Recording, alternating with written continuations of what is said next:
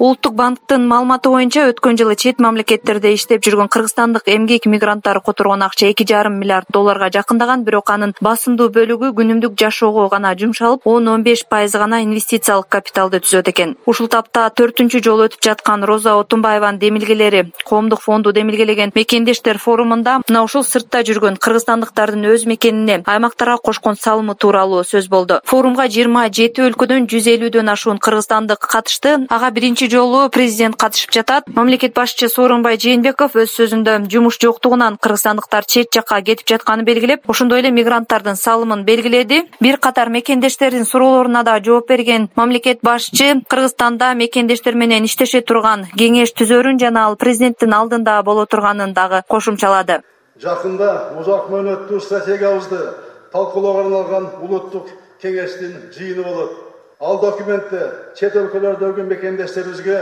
колдоо көрсөтүү алардын кесиптик жетишкендиктерин кыргызстанда толук кандуу пайдалануу үчүн маанилүү кадамдар каралган.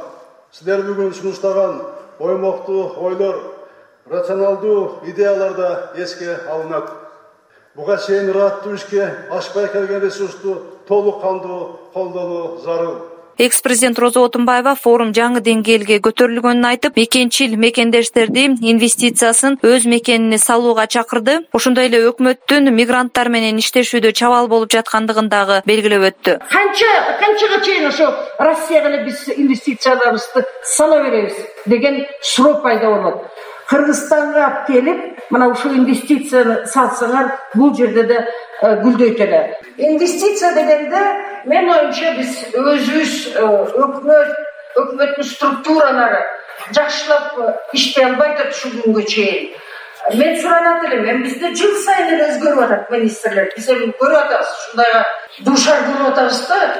Абдан мен нааразымын сооронбай ушу жыл сайын өзгөрөт жыл сайын ушундай чоң иш абдан маанилүү иш. Мына азыр дагы жаңы адам келди.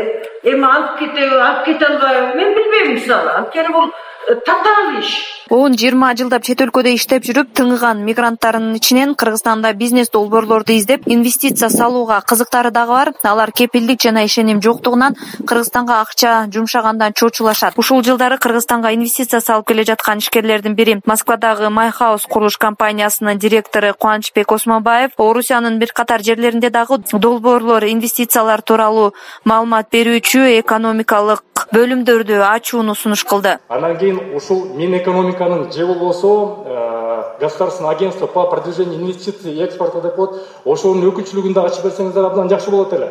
Себеп деген биздин кыргызстандын экспорттун потенциалын тилекке каршы россиядагы жергесиндеги элдер билбей атат. Биз туризмди өнүктүрүшүбүз керек ошол агентство аркылуу биз ишкерчиликти өнүктүрүш керек. Мисалы үчүн роза мына азыр айтып кетти. Ишкерлер келгиле бизге кыргызстанга акча салгыла деп. Биз каяка салабыз билбейбиз бизде маалымат жок азыр.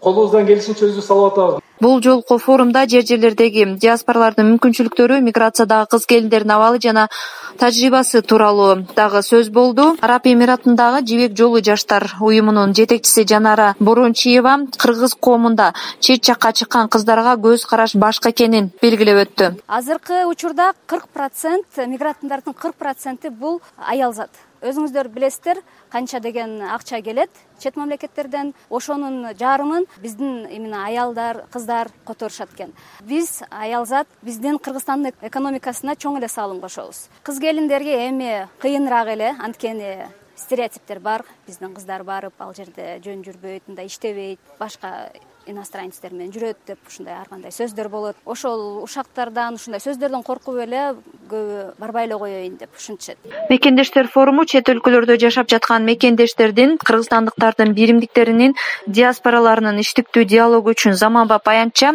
бул кыргызстанда алгачкы жолу эки миң он экинчи жылы өткөрүлгөн бул төртүнчү форум